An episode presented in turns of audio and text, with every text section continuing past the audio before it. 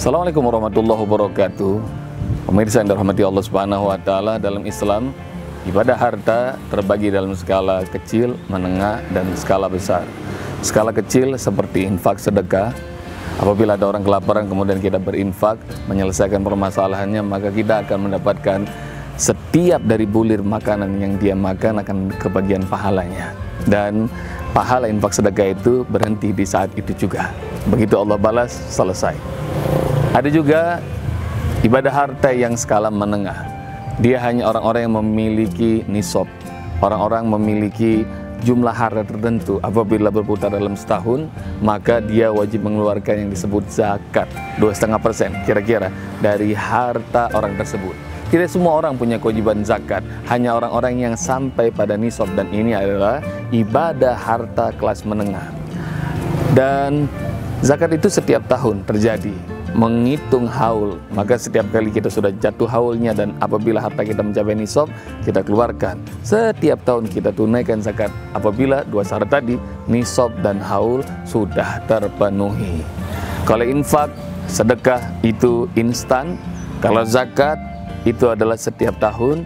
Ada lagi ibadah harta yang kelas atas namanya wakaf. Dia memberi yang terbaik yang paling kita cintai buat Allah Subhanahu wa taala Wakaf ini adalah ibadah harta bagi orang-orang yang punya kelebihan. Dia punya motor empat, satu diwakafkan buat Allah Subhanahu wa taala. Setiap kali motor itu dipakai oleh guru mengaji, oleh imam masjid atau siapa pun juga, maka dari setiap putarannya, rodanya, mesinnya, pahala Anda akan dapat. Kalau kita punya pabrik lebih dari lima, Anda wakafkan di jalan Allah satu, dua, tiga, empat atau lima sekaligus, maka setiap kali berproduksi itu wakaf di jalan Allah Subhanahu Wa Taala, Anda akan dapatkan dia terus mengalir.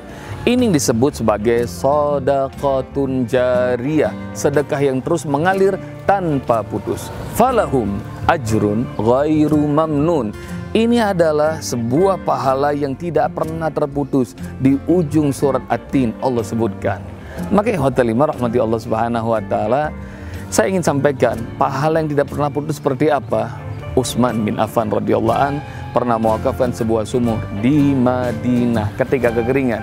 Sampai sekarang sudah 15 abad sumur itu masih ada airnya dan sumur itu masih direproduksi. Sumur itu masih diambil airnya dan dinikmati dari setiap tetes air maka Utsman bin Affan akan mendapatkan pahalanya. Ini adalah amalan cerdas, amalan tiada pernah terputus dan pahalanya terus mengalir selagi aset wakaf itu dikelola dengan baik oleh nazirnya.